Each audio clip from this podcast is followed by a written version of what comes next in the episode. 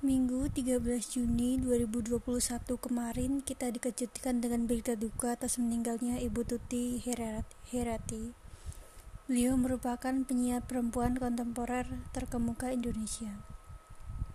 Beliau pernah menempuh pendidikan kedokteran Universitas Indonesia pada tahun 1955.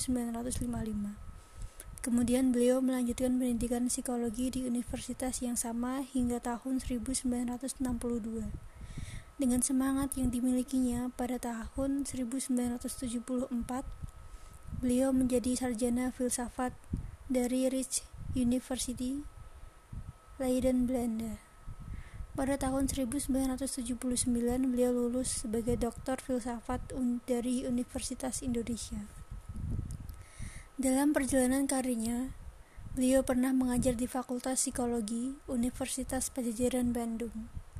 Beliau juga menjadi ketua jurusan filsafat jurus Fakultas Sastra Universitas Indonesia.